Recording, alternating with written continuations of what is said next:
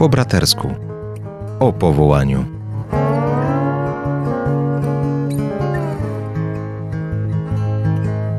A na audycję zapraszają Ojciec Tomasz Mordziałek. oraz ojciec Andrzej Grat.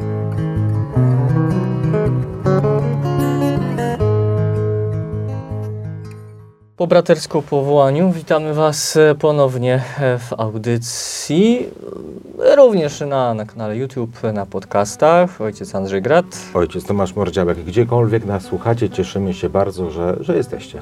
Dokładnie dzisiaj w naszej audycji chcemy spojrzeć na Pismo Święte, a dokładnie na postać, którą otrzymujemy w historii zbawienia, która na pewno też ze swoim powołaniem czy się zmagała, no miała jakąś konkretną historię i konkretny sposób y, odkrycia, do czego Bóg ją wzywa.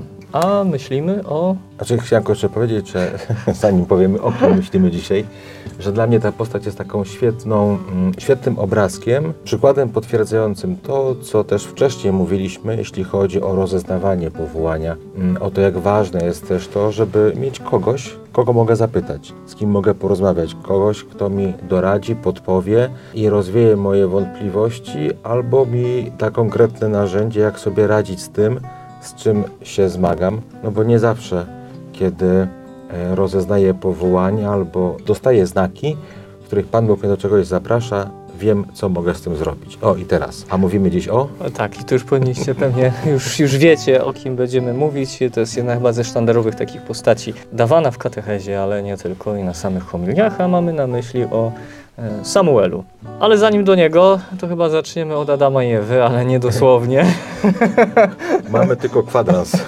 nie dosłownie, ale od Adama i Ewy, jeśli chodzi o samego Samuela, czyli od jego y, mamy Anny. Szybko tak dając w skrócie, biedna kobieta y, była bezpłodna. Była wielką pociechą swojego męża, no ale jednak w kulturze tamtejszej miała z tego powodu pewien problem. Ona w swej rozpaczy i pragnieniu potomstwa woła do Boga przy przybytku, przy namiocie spotkania. Jeszcze nie mamy świątyni. Całość, wszystko jeszcze obecności Bożej Arki Przymierza jest przy namiocie. Wylewa ona i otwiera serce swoje przed Bogiem, pragnąc potomstwa. Bo- Jednocześnie... Bo dla niej to było i cierpienie, ale też i źródło no, szykan i trochę takich prześladowań ze strony także tego najbliższego jej otoczenia. A świadkiem tej, tej lamentacji, tych, tych, tych jej cierpień i tej modlitwy, którą w tym przybytku zanosi, w tym namiocie, y, jest y, Heli, y, który też później przy powołaniu, przy Samuelu odegra też ważną rolę. E, Tak, tak. Wydaje mu się, że, że Anna, gdy wypowiada modlitwę, jest pijana. tak. No, to takie miała odczucie i ona później mu się tłumaczyła. Ale no, właśnie, ona wylewając to serce w całej tej modlitwie i szczerości, pragnieniu, dodaje taką jedną rzecz, że ten męski potomek, bo chciała mieć chłopca, ma zostać, pragnęła, aby później został ofiarowany do posługi przy przybytku. To taki nawet trochę chyba szantaż Pana Boga, nie? Wo- wobec Pana Boga. Boże, daj mi potomka, jak mi go dasz, to ja go Ci oddam. Ludzki bardzo. Tak, tak, takie targowanie się z Bogiem. To w sumie jak, jak to było z Abrahamem, jeśli chodzi o, o zniszczenie Sodomy i Gomory. E, tam też było fajne targowanie między, między Bogiem a Abrahamem.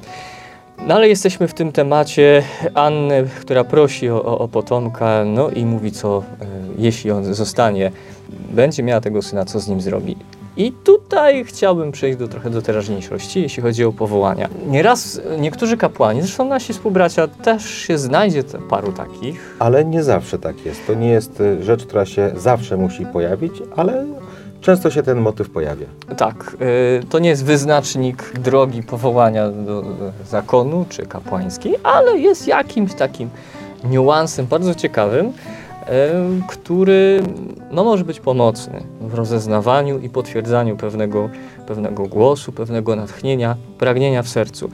Adrem, że mamy tych, tychże kapłanów i zakonników, później gdzieś tam się przyznawały, czy to w drodze, jak już byli w seminarium, czy już po święceniach kapłańskich, że była taka sytuacja, że one ofiarowały ich Matce Bożej, czy też samemu Bogu, bo tam... One, czyli mamy. Tak, tak, dokładnie, bo czy tam były jakieś problemy w momencie, kiedy one były w stanie błogosławionym, czy po prostu z takiego natchnienia wielkiej miłości ku Bogu. No, no różne były te przyczyny. I później, no tak mówią przy okazji gdzieś swojemu synowi o takiej A- sytuacji. Czyli często, może nie zawsze, ale często też się zdarza tak, że e, ci powołani już do kapłaństwa, do życia zakonnego dowiadywali się już będąc w zakonie, czy będąc kapłanami dosyć późno, więc to nie było na takiej zasadzie, że rodzice mówili, że ofiarowaliśmy Ciebie i to było jakimś tam siłą sprawczą, czy jakimś przynagleniem do tego, aby pójść, bo Pan Bóg nie zmusza. Ale dla mnie ten motyw z Anną i tutaj, jeśli chodzi o te takie ludzkie nasze współczesne historie, jest takim też dowodem na to, że Pan Bóg, e, że kwestia powołania, kwestia wyboru e, kapłaństw, do, do kapłaństwa czy do życia zakonnego nie jest kwestią przypadku. Że Pan Bóg przewiduje, Pan Bóg też e, dając życie, no, zaprasza kogoś, obdarowuje kogoś życiem, uposaża go też pewne dary, przymioty, talenty, jako kogoś, kto jest odpowiedni do danego powołania. I to się właśnie w tym wyborze powtarza, że czasami gdzieś w odruchu może serca rodzic ofiarowuje swoje dziecko, ale Pan Bóg po jakimś czasie, później w życiu tego młodego człowieka w jakiś sposób się przypomina. Oczywiście nie przymusza, ale przypomina. Tak, a można byłoby użyć takiej lekkiej metafory, chociaż ona jest y, nie do końca e, gdzieś może właściwa, ale dla tych, którzy gdzieś lubują się w fantastyce, to prawo e, niespodzianki, dziecka niespodzianki, Sapkowski i Więdzimin. Tak, to ci, co wiedzą, to tam coś podobnego może w tej kwestii, tak, e, ale to nie jest tak, że e, Bóg upomina się na zasadzie, że on faktycznie należy do mnie, tak jak to było e, u Sapkowskiego, ale no, że jednak dając to piękny dar życia dla, dla tych małżonków, no właśnie uposażając tą osobę do tego, by złożyć jej propozycję, by pójścia drogą wyłączną dla, dla Boga, jako kapłana, czy też zakonnika, zakonnicy. Wróćmy do Samuela, e, bo on się w końcu rodzi. Jest tym dzieckiem obiecanym, Bożym darem dla rodziców, ale Anna ma też odwagę spełnić swoją obietnicę i w pewnym wieku, kiedy on jest małym chłopcem, on daje go faktycznie na to świątynne wychowanie. E, I okazuje się, że tym, który go później będzie wychowywał przy, przy Bogu, przy Arce, jest właśnie Heli, ten, który był świadkiem tej lamentacji wcześniejszej e, Anny. E, On jest tym, który opiekuje się nim i go też przez życie prowadzi, przygotowuje go do tego powołania, którym obdarzył go Bóg. Wychowuje, opiekuje się nim i tu myślę, że też jest warto gdzieś to dodać, że Heli nie jest e, postacią doskonałą w Biblii, A na pewno nie ma doskonałych synów. A to na pewno, no ale to też można powiedzieć, że nie zawsze jest stanowczy co względem nich, e, mimo że ich upomina w pewnym momencie, e, to jednak może nie zawsze chciał mieć, e, wszystko widzieć to, co oni złego robią. Nie zawsze w każdym momencie jest jakoś wybitny. Zresztą postacie biblijne mają tak, że to nie są nieskazitelne postacie, jak... Są ró- różne skazy. Dokładnie. Oprócz oczywiście Matki Najświętszej i samego Jezusa. A chciałem powiedzieć, że zresztą, ale rodowód Jezusa nie jest idealny. Będziemy to w, w, w czasie świąt Bożego Narodzenia przed świętami czytać rodowód Jezusa. To tam y, jest wiele wielkich postaci, ale nie wszystkie są idealne. Dokładnie, a wspominamy o tym, że Heli jest niedoskonały, bo często czasami szukalibyśmy właśnie może idealnego przewodnika, człowieka y, oczywiście obdarzonego mądrością i tego nie możemy ujmować e, kapłanowi e, Helemu, e, bo takie doświadczenie na pewno posiadał, a z czym ono było związane? No właśnie z sytuacją, którą przeżył e, Samuel.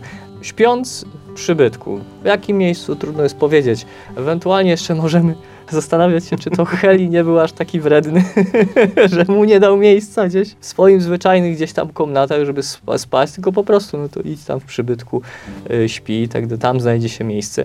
Różnie to można odczytywać, może niekoniecznie będziemy wchodzić tu akurat w głębie, ale Samuel jest tam. Możemy powiedzieć na pewno pewnej bliskiej obecności Boga i Jego słowa, no bo w samej Arce Przymierza znajdujemy tablicę dziesięciu przykazań, między innymi, bo tam mamy też również i świadectwa Bożej Opatrzności, jaką jest e, jedna z miar w dzbanie manny, którą otrzymywali Izraelici w trakcie wyjścia e, z Egiptu, no i też mamy tam laskę Aarona. Jeśli się pomyliłem, to mnie poprawcie. Wróćmy do Samuela. Tak, i obecności. Co się dzieje? E, Dzieje się, e, da się usłyszeć głos. Głos Samuel go słyszy podczas snu w nocy. Samuelu, Samuelu. Bóg woła po imieniu. To też jest w sumie istotne i ważne, że nie mówi hej ty, tam, kolego, tam ty to śpisz. Tylko mówi po imieniu, a to jest w Biblii bardzo istotne, że y, Bóg zwraca się do kogoś po imieniu, czyli znając. Bardzo dobrze, tak dogłębnie, na wskroś, no to Nowy Testament ładnie to przedstawia, że wszystkie twoje włosy są policzone. na głowie, czy to mamy w psalmach, Bóg wie, kiedy siedzę i wstaję, no to to znając moje działanie, no, no w pełni jesteśmy znani przez Boga. I tu szybkie wtrącenie, dlaczego?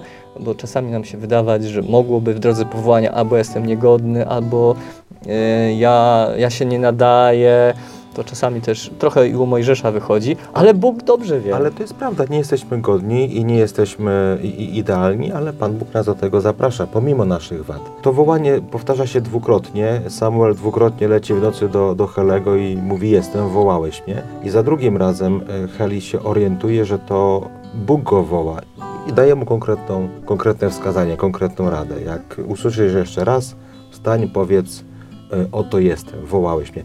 E, Zwróciłem uwagę na takie jedno wtrącenie przy tych dwóch, dwóch zdaniach.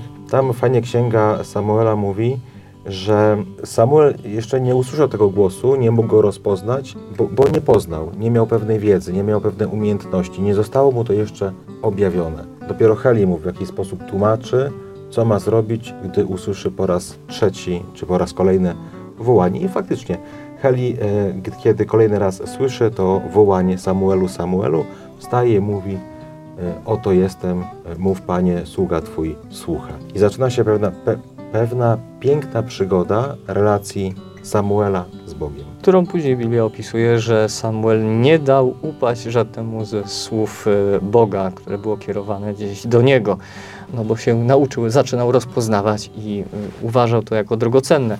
No ale tutaj właśnie tej całej sytuacji, gdy Samuel biegnie do Helego, no to jest to, co e, wspomniałeś na samym początku.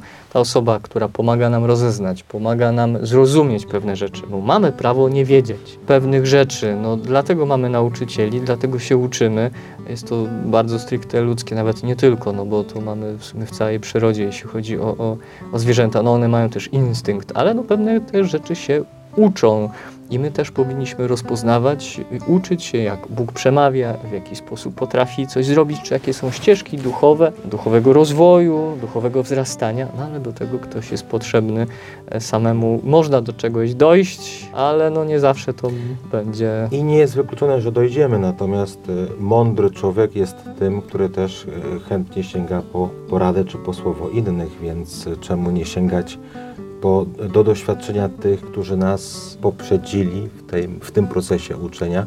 Widać, że Samuel jest mądrym, mądrym człowiekiem mm, jest otwarty na to, co po pierwsze daje mu Heli, czego go uczy, e, a po drugie jest otwarty potem też na Pana Boga. Piękne jest to zdanie, nie? że nie dał upaść żadnemu słowu, które Bóg wobec niego wypowiadał. A my, jak to jest tą naszą historią, kiedy Pan Bóg nas woła przy rozeznawaniu powołania, albo potem już w powołaniu do konkretnych dzieł, konkretnych czynów, na ile jesteśmy otwarci na słuchanie Pana Boga i słuchamy też rad innych, którzy nam pomagają w tym odkrywaniu, czego Bóg może od nas oczekiwać. Może dodając jeszcze tak e, blisko końca, no Samuel był szczery w tym, co słyszał e, i tak otwarty, no, takiej postawy dziecięcej. Zresztą sam był, no, był dzieckiem wtedy. No wtedy był E, tak. tak, ale no też nie było na zasadzie, że jest, to była prawdopodobnie noc, więc niech się wypcha ten heli, co nie woła o tej godzinie, tak, idę, przewrócę się na drugi bok, muszę odpocząć. I później nawet też, co mu Bóg przekazał, kiedy odpowiedział na jego, na jego wołanie, Helemu też przedstawił wszystko, co, co usłyszał. Więc też ta pewna szczerość stanięcia w osobie, która tą mądrość ma, na pewno jest potrzebna i to też daje nam Samuel. I ciekawe jest to, że Maryja, która pięknie rozpoznała sceny zwiastowania, też jako małe dziecko była oddana na wychowanie świątyni, więc tej, w tym klimacie świątynnym też e, wzrastała w obecności Pana Boga, co dla nas też powinno być e, konkretną podpowiedzią. Dokładnie. Dziękujemy Wam za e, kolejne spotkanie w audycji po bratersku o, powołaniu. powołaniu. Zapraszamy Was e, za tydzień. No i też, e, jeśli macie jakieś pytania, propozycje ewentualnie, no też możemy i w, tym, w tej drodze pójść powołania www.paulinimałpa.gmail.com to adres, na który możecie to przesyłać.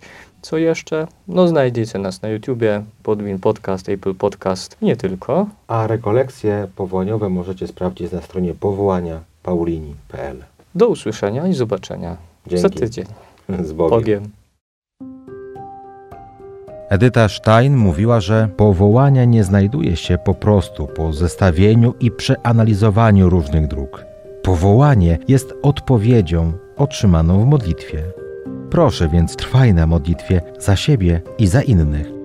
A jeśli szukasz wsparcia, zajrzyj na powołania paulini.pl i na nasze media społecznościowe.